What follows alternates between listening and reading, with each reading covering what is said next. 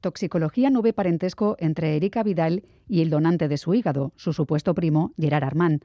El exfutbolista Sandro Roussel y otro exdirectivo del Barça estarían siendo investigados por tráfico de órganos por el juzgado número 28 de Barcelona.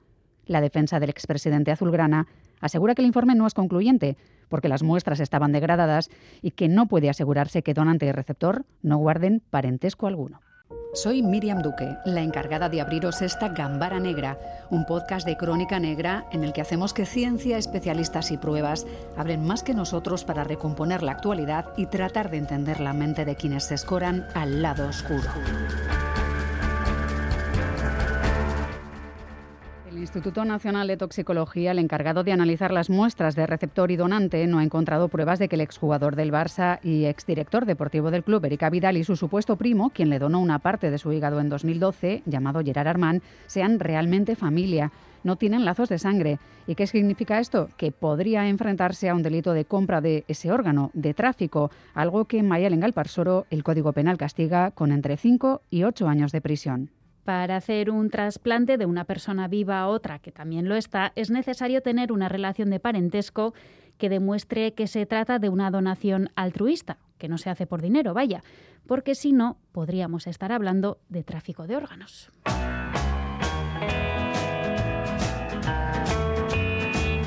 Ganador de prácticamente todo con el Barça, la vida le dio un susto a Erika Vidal en 2011. Tenía un tumor en el hígado.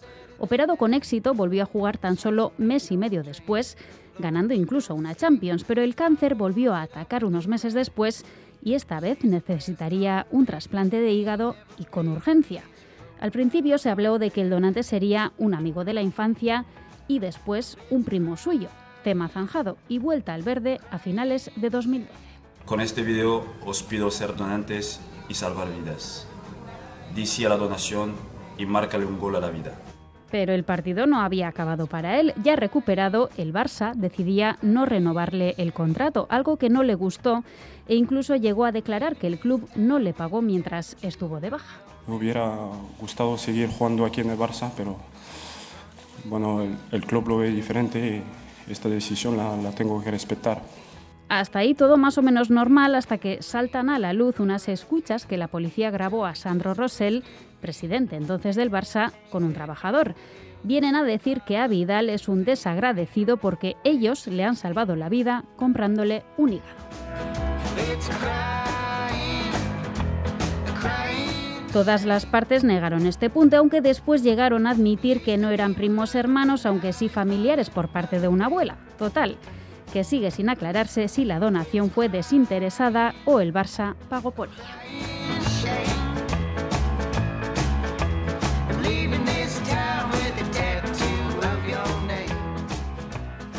La defensa del expresidente azulgrana, en una nota hecha pública hace unos días, aseguraba que el informe de toxicología no es concluyente, puesto que, a su entender, las muestras analizadas no eran las más idóneas, ya que los perfiles genéticos habrían sufrido una degradación al ser introducidos en los líquidos conservantes. Marian Martínez de Pancorbo es catedrática de Biología Celular y directora del Banco de ADN de la UPV. Marian, ¿qué tal? ¿Cómo estás? Hola. ¿El problema es que las muestras pueden estar degradadas? Podría ocurrir, sin embargo, hay muchos estudios ya y está bien comprobado el método para analizar muestras incluidas en parafina, que sería el punto más difícil. Incluso a veces las muestras se guardan también congeladas. En cualquiera de los casos, los marcadores suelen dar buenos resultados. Hay que darse cuenta que el Instituto Nacional de Toxicología y Ciencias Forenses está diciendo que no encuentra evidencia de parentesco, no que las muestras estuvieran degradadas. Uh -huh. Claro, ¿en qué tipo de líquidos se meten las muestras normalmente, además de la parafina? ¿Cuál es el protocolo con el que trabajáis en vuestro caso, por ejemplo? Pues cuando las muestras están incluidas en parafina, es lo mismo que este, podría ser este caso. Eh, en, los, eh, en los laboratorios de anatomía patológica de los hospitales, pues se les hace primero un tratamiento que es con distintos, con distintos alcoholes. Se trata de eliminar el agua de las muestras para posteriormente pues, poder eh, incluirlas bien en parafina y demás. Pero, en definitiva, mm, los tratamientos son estándar. Todos los laboratorios de anatomía patológica utilizan el formaldehído, etcétera. Es lo mismo. Y, en principio, incluso aunque estén teñidas, que era la segunda parte del proceso que estaba comentando, incluso dan buenos resultados. Hay experiencias en nuestro laboratorio y en otros muchos en los cuales se han analizado cientos de muestras, porque es la forma habitual del estudio de tumores y demás, y no hay dificultad para obtener el perfil genético. Claro, ¿qué tendría que pasar para no poder extraer ADN? ¿De qué tipo de fallo estaríamos hablando en caso de que sea un fallo? Claro, porque también podríamos hablar de que pueda ser una estrategia de la defensa, porque si no son primos eh, se habría usado una fórmula ilegal para lograr un riñón y eso, claro, es un delito. Así que puede que esa sea la otra parte de la explicación. ¿no? En efecto. Eh, ¿Qué es lo que puede haber ocurrido? Pues es difícil de saber por, precisamente por este método estándar que tienen las muestras, que el proceso que tienen para ser incluidas en parafina y por ese motivo, pues prácticamente todos los laboratorios hacen lo mismo. Hace años se utilizaba se utilizaban otros compuestos que además eran muy curiosos porque les daba un aspecto amarillento a las muestras, cosa que a, la parafina y a todo, cosa que ahora no existe, y eso pues sabemos que es más difícil de obtener. Pero estamos hablando de hace muchísimos años, es decir, que en el 2012, 2013 no era así. ¿Qué marcadores se ven entre primos? Ya sea si somos o son primos carnales o de segunda, tercera o posterior generación. Bueno, eh, si el parentesco está muy alejado, pues en realidad no se podría saber, porque si fueran, pues eso, primos terceros, cuartos, no sé, es muy difícil poderlo saber. Mm, a no ser que pertenezcan a una comunidad pues muy relacionada, muy emparentada entre sí, que incluso parentescos más alejados. Pero eh, el análisis de si son primos o no es algo que habitualmente se hace eh, con diversos fines. En este caso sería para tratar de ver eh, identificar a estas personas como parientes, en otros casos, pues para personas desaparecidas, etcétera. Los marcadores son siempre los mismos, por tanto, hay, no hay problema con los marcadores. Cada vez disponemos de más. Tenemos un panel muy amplio que nos permiten llegar a saber con, una, con un grado de seguridad elevado si las personas están emparentadas o no, y más unos primos. Si ese juzgado desea obtener resultados concluyentes en su investigación, deberían tomarse muestras biológicas indubitadas de los dos progenitores biológicos, tanto del señor Armán como de los dos progenitores del señor Avidal, si estuvieran disponibles, o al menos de los posibles hermanos biológicos y progenitores de los individuos de los que quieran realizar el citado estudio de parentesco. ¿No se les puede pedir una repetición de la prueba. ¿No parece la vía más directa o más fácil? Efectivamente, y además eh, sin muestras mm, por medio de parafina ni nada, si se quiere saber si son primos, pues directamente con una muestra de saliva de cada uno se puede obtener. Eso sí, lo tienen que dar con consentimiento. Y bueno, pues ahí puede haber alguna dificultad, pero también es cierto que si no hubiera problema, pues esas muestras se pueden dar y ser analizadas sin ninguna dificultad. También nos acompaña Carlos Basas, es escritor de novela negra. Caixo Carlos, ¿cómo estás? Hola, ¿qué tal? Bueno, hace poco se filtraron unas supuestas escuchas en las que se habría usado la expresión de comprar un órgano. Le salvamos la vida y todavía diciendo que, que tú le has mentido se hablaba en esas supuestas filtraciones de cuestiones que tal vez eh, hagan que, bueno, pues que no fuera todo lo legal, que es lo que se tiene que juzgar ahora. Claro, esto tiene tintes de novela negra, Carlos. La relación de parentesco es clave para autorizar un trasplante intervivos porque presupone que hay una motivación afectiva para acceder altruistamente a otra persona aparte de un órgano y evitar que haya una compraventa de trasplantes de hígados o de partes de, del cuerpo humano, ¿no? claro, eso podría abrir la puerta a la trata también de seres humanos con ese fin. Digamos que es complicado lo que tiene por delante tanto a Vidal como el Barça, ¿no? Sí, sí, sí. Eh, lo, que a mí me hace, me hace gracia o me parece curioso es que no hayan contemplado una posibilidad de la que nos está hablando. Y es que en realidad, si fuera el hígado del primo pero que eh, gracias al análisis de ADN hayan descubierto que ese primo en realidad no es familia biológica real, como sucede en tantísimos casos de pruebas de ADN de paternidad que de repente resulta que los padres o alguno de los padres descubre que, no que su hijo no es hijo biológico suyo, ¿no? O sea que las posibilidades son, eh, son variadas o serían variadas sobre, sobre el papel. Hmm. Lo que pasa que evidentemente las escuchas pues eh, ponen de manifiesto que, que como menos hay un cuanto menos hay un, un presunto delito ahí, ¿no? Hmm. Pero eh, también partimos de un supuesto eh, erróneo que es que eh, cuando uno habla por teléfono con alguien siempre dice la verdad, ¿no? O sea, que una escucha tampoco eh, implica necesariamente que uno haya dicho la verdad. ¿Cuántas veces mentimos para mm. manipular o para engañar también a, través de, teléfono, ¿no? Sí, lo que pasa que esta vez la, conversación es entre terceros que evidencian un cabreo monumental, ¿no? Por lo que consideran, eh, bueno, pues un agravio, ¿no? Que ayudaras a una persona y luego saliera públicamente dos años después a decir que se había sentido abandonado, ¿no? Y ahí es cuando sale lo peor de cada uno diciendo, vamos a ver, o sea, si estás aquí es porque alguien te compró un hígado, es una de las frases que aparecen entrecomilladas en las supuestas escuchas, que como dices tú, hay que demostrar que ahí estaban diciendo la verdad, ¿no? Sí, bueno, hombre, generalmente suele ser, suele ser así, ¿no? Es, como lo de in vino veritas, ¿no? Es decir, cuando tú crees que no te escuchan, generalmente sueltas, sueltas la verdad, ¿no? Y mientras no haya ningún problema legal en la validez de esas escuchas, pues son una prueba de cargo bastante potente. Digamos que eh, tendrán que aclarar muchísimas cosas. El juzgado de Barcelona ha enviado una comisión regatoria a Francia para recabar información sobre las cuentas bancarias y el patrimonio de Armand, el supuesto primo, para tratar de averiguar si pudo recibir alguna contraprestación económica a cambio del órgano. Está claro que en redes publicó hasta, hasta un yate, o sea que no, hizo, no hizo caso de lo de ser discreto. Iba a decir yo, si fuera medianamente listo, no hubiera cobrado vía transferencia, sino vía maletín, ¿no? Hmm. Con lo cual eso pues sencillamente no es rastreable eh, y, punto, ¿no? Pero sí, suele, suele suceder que, mucha de la gente que recibe una cantidad de dinero eh, y a los que presuponemos eh, un mínimo de inteligencia, pues hacen cosas como estas, ¿no? De repente, pues eso, me compro un yate, un Rolex, un Ferrari o lo que sea, ¿no? Con lo cual, pues incluso Hacienda, pues mm. entra mm. al, al, asunto, ¿no?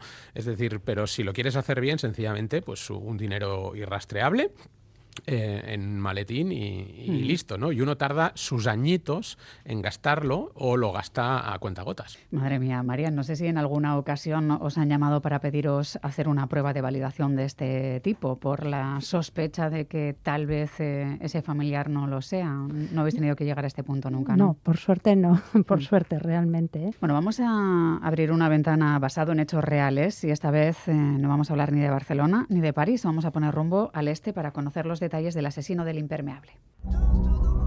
El asesino de 34 años, Joyan Chul, se llevaba a mujeres que trabajaban en centros de masaje a su casa. Las mataba con un arma contundente. Podría haber 100 víctimas. Fue un caso sin precedentes en Corea por aquella época. Y no teníamos ni idea de qué tipo de persona era el asesino. Los había cometido la misma persona. Era un asesino en serie. Él habría admitido, Carlos, haber matado a unas 19 personas entre 2003 y 2004, convirtiéndose en uno de los asesinos en serie más temidos de, todo el país. Eh, se llama el asesino del impermeable. ¿Por qué del impermeable? Bueno, eh, es, curioso, ¿no? En este caso no tiene nada que ver con que eh, él vistiera impermeable para cometer los crímenes, o fuera un modus operandi, o fuera un fetiche, ¿no? Tiene que ver con que una de las imágenes icónicas capturadas de, él una vez detenido en la reconstrucción de uno de los crímenes, pues se le puso un impermeable amarillo encima para cubrirle porque llovía y también la capucha para ocultar parcialmente su rostro y a partir de ahí empezó a, llamarle, a, llamársele como The Raincoat Killer, ¿no? el asesino del, impermeable. Pero no era por nada, no era por nada en, concreto, ¿no? De hecho, no se le llegó a poner uh, un nombre como sucedería en, Estados Unidos, ¿no? Estamos hablando del año 2003 y este es un un documental en tres capítulos que podéis ver en Netflix, que se ve además como una película de ficción, de misterio, de suspense y que encierra una serie de, claves eh, que lo hacen muy, muy eh, significativo. La primera es, eh, empieza a haber una serie de asesinatos de familias en barrios adinerados de la ciudad de Seúl, cuatro familias en cuatro barrios distintos. Las policías de cada uno de los barrios empiezan a investigar los casos, pero sin cruzar datos entre ellos.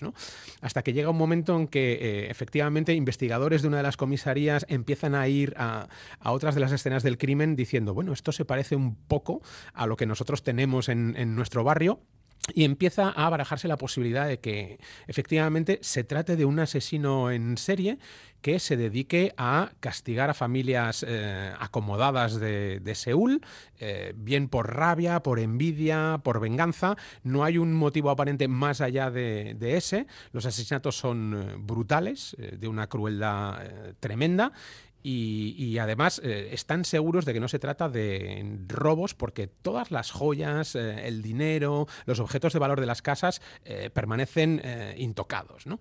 Con lo cual, pues bueno, efectivamente cuando cruzan datos se dan cuenta de que hay una huella de zapato común en los cuatro escenarios. Y tienen la suerte de que en uno de ellos hay una cámara de seguridad que da a una esquina de la calle y ahí obtienen la imagen de eh, un veinteañero de espaldas que se aleja del lugar del crimen. ¿no? La policía no tiene más pistas, son incapaces de, bueno, cercar al culpable y deciden hacer eh, pública esa, esa, imagen, con la conmoción evidentemente que se genera entre todos los habitantes de Seúl. si pones una imagen de alguien de espaldas que puede tener entre 20 y 30 años, no me extraña, se abre mucho el abanico. entonces, ahí viene una de las, uno, de los pequeños, uno de los primeros giros del caso. En cuanto esa imagen se publica en los medios de comunicación, el asesino de ancianos ricos deja radicalmente de actuar. Meses después, lo que empieza es otra serie de asesinatos en otro barrio, muchísimo más pobre y más depauperado de Seúl, y las víctimas en este caso, eh, con distintos modus operandi, con cuchillo, con eh, golpes, con martillo, etc., eh, son prostitutas nadie eh, denuncia, porque la mayoría de ellas son prostitutas ilegales. La prostitución ilegal en, eh, una ciudad como Seúl es, es, enorme, es altísima, y sus chulos ni siquiera se molestan, ¿no? Si desaparece una de esas prostitutas, pues bueno, como tampoco pueden denunciar, no dicen nada, ¿no? Entonces, eh, las propias prostitutas lo que hacen en un momento dado, como sí saben que muchas compañeras están desapareciendo, pues informan a uno de los chulos que es a su vez eh, confidente de la policía. Y ese confidente un día recibe una llamada eh, extraña desde el móvil de una de las prostitutas que ha desaparecido eh, pidiéndole una nueva chica, ¿no? Y él avisa a, uno de los policías a los que conoce y van a detener a, este hombre que ha pedido los servicios de esa prostituta, ¿no? Y efectivamente le detienen. Mm, creen ellos que han capturado a otro asesino en serie, el asesino en serie de las prostitutas, que no tienen nada que ver con los cuatro casos originales de eh, los viejos ricos, ¿no? Hasta que este hombre está en la sala de interrogatorios y ahí confiesa. No únicamente confiesa haber matado a todas esas prostitutas, sino que confiesa que yo también soy el asesino de los barrios ricos de, Seúl. Imagínate la, conmoción, porque no es nada habitual que un asesino en serie cambie de forma tan radical de victimología eh, y al principio no se lo creen, ¿no? Lo someten a pruebas, lo llevan al lugar del crimen a ver si comete contradicciones, etcétera. Y eh, bueno, mm, el, siguiente gran giro de este caso, y lo voy a dejar eh, hmm, ahí para que la gente lo vea, es que una vez está detenido en una sala de interrogatorios, él tiene un ataque de epilepsia, empieza a convulsionar, le quitan las esposas, lo dejan en la sala y el inspector que está con él sale de esa sala para ir a buscar ayuda y hete aquí que sencillamente él se levanta, recorre el pasillo de la comisaría, baja por las escaleras al piso de abajo, sale por la puerta de la comisaría y se larga. Pues lo has dejado como algo bastante inquietante porque entiendo que puede haber una tercera remesa de asesinatos con un modus operandi diferente. ¿eh? Claro, quien quiera, quien quiera conocer el final de esta, esta historia, de este asesino en serie, Yo, Yun Chul, eh, sencillamente tiene que acercarse a Netflix y ver los tres capítulos. Yo recomiendo de forma seguida. del impermeable. Bueno, aquí analizar ADN, me imagino, Marian, eh, que sería un, despropósito cuando analizan una de las zonas, el baño, ¿no? Porque se oye al menos en el tráiler decir algunos de los investigadores eh, usamos luminol porque, claro, hablan de, reconoció mm, haber matado a 19 personas, pero en otro momento de, este documental se habla de posibilidad de 100, de estar hablando de, 100 personas. Además, por ejemplo, si se utiliza luminol o blue star, que sería más eficiente, aunque sea, el principio es luminol. Pues claro, ahí hay una mezcla. Ahí se puede saber que ha habido sangre, ni siquiera si es sangre humana, luego hay que seguir con otros test, pero son igualmente eficientes o más, y se puede llegar a saber que hay, hay sangre humana.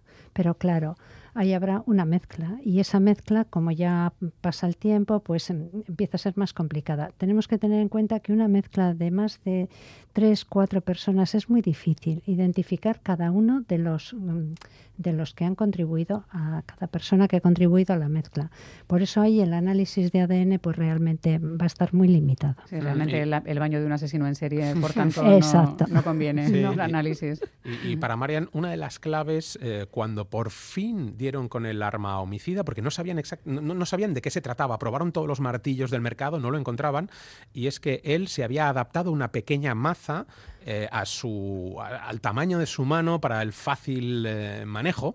Y eh, bueno, e, era prácticamente la única prueba real eh, que le vinculaba con esos asesinatos, ¿no? Esa marca en los cráneos tan específica. Y lo que hicieron es, eh, tuvieron que desmontar entera eh, esa maza, el asa a las junturas, y fue en la parte interior de las junturas, en la parte donde, la, donde el, asta se une a la maza, donde encontraron ADN de distintas víctimas junto a su propio ADN, ¿no? Y ese fue el, detalle definitivo que acabó por, por condenarle. Asiente, Marian, porque estoy segura de que siempre que hablamos de este tipo de cuestiones a veces se limpian muchas cosas, pero la posibilidad de que fluya hacia el mango de un cuchillo el ADN es algo que a lo mejor no valoran. Sí, es, importantísimo a la hora de analizarlo, desmontar la pieza y precisamente pues en esas fisuras que son difíciles o recovecos, que son difíciles, por ejemplo en el caso de esta maza que dices o martillo, en el caso de un cuchillo pues siempre se saca la empuñadura, se desmontan si tiene dos partes, en fin, todas las posibilidades para poder llegar, porque lo que sí es cierto es que con una pequeñísima cantidad de ADN hoy día, o sea, de sangre o de otro resto biológico, hoy día se puede obtener un perfil de ADN. Entonces, por eso mm, siempre se mira y se pasa muchísimo tiempo pues frotando con un hisopo, o sea, una especie de bastoncillo, ¿no? Frotando, frotando para tratar de obtener el ADN y luego pues el perfil genético. Sí, esas, esas mm, gotas eh, microscópicas de, sangre que se meten por esas junturas, que luego coagulan, que se quedan ahí pegadas y que efectivamente al desmontarse, pues eh, a base, como decía Marian, de darle con el hisopo, etcétera, pues acabas, eh, acabas pues encontrando lo que, lo que estabas buscando, ¿no? Antes de que nos despidamos, me gustaría hacerte una pregunta relacionada con otro tema. ¿Qué implica la aparición de restos de ADN de alguien en un capo? Ha vuelto a ser noticia, ha vuelto a la actualidad el caso de Esther López, la joven desaparecida en Traspinedo en enero. Su cuerpo apareció semanas después en una cuneta. Se investigó y se vuelve a investigar y a registrar la vivienda de uno de sus amigos, una de las dos últimas personas en estar con ella. El relato de lo ocurrido aquella noche no encajaba demasiado bien y desde el primer momento se convirtió en uno de los sospechosos. Hace unos días volvían a inspeccionar el vehículo de forma más exhaustiva y encontraron ADN de Esther en el capó. Y luego, bueno, pues unas cámaras de seguridad que grababan a, Oscar limpiando el vehículo en una gasolinera. Que haya ADN de Esther en su maletero implica que miente simplemente o le incrimina en cierta medida en la muerte violenta de la joven. Le puede incriminar. Claro, lo que, lo que indica la presencia del ADN es que bueno, hay un resto biológico de ella, se puede saber si es de sangre o cualquier elemento que indique un crimen violento. Y bueno, en principio sitúa a la víctima, evidentemente, en, ese capó. En ese capó. Otra cuestión está en la declaración del sospechoso que ha dicho que ha dicho que no estuvo nunca, pues entonces es algo que eh, seguirán estirando del hilo, ¿no? Sí, iba a decir sitúa a la víctima o sitúa algo, eh, alguna pertenencia, por ejemplo, de la víctima. Imagínate que has dejado una bolsa de deporte o has dejado una chaqueta en el capó, que es algo mm, perfectamente normal, y eso también puede llevar al eh, ADN de la víctima, ¿no? Sí, por eso es importante no solamente que haya ADN, sino la fuente de entonces, bueno, pues existen diversos kits que permiten saber si el origen es sangre, si es saliva, si es orina. Sí, porque es verdad que cuando se localizó su cuerpo, eh, las heridas que tenía eran compatibles eh, con un atropello por un vehículo de, morro alto, por el, donde estaban ubicadas las heridas. Por lo tanto, no era tanto la sangre, no era un escenario especialmente, bueno, pues dado a, que fuera fácil que, algo salpicara. Así que, por tanto, como decimos en el segundo análisis, algo han encontrado. Es un caso difícil de resolver eh, porque a pesar de, la autopsia, la policía bueno, pues no ha conseguido determinar con exactitud cómo murió ni quién está detrás de su muerte, pero hay detalles e investigaciones en torno a la última persona que la vio con vida que no cuadran y bueno, se sigue investigando. De momento continúa ese misterio. Marian Martínez de Pancorvo, especialista en ADN, como siempre, muchísimas gracias. Muchas gracias a, ti y muchas gracias también a Carlos. es un placer estar con vosotros. Y gracias también a Carlos Basas, nuestro experto en novela negra. Hasta luego. Agur. Agur.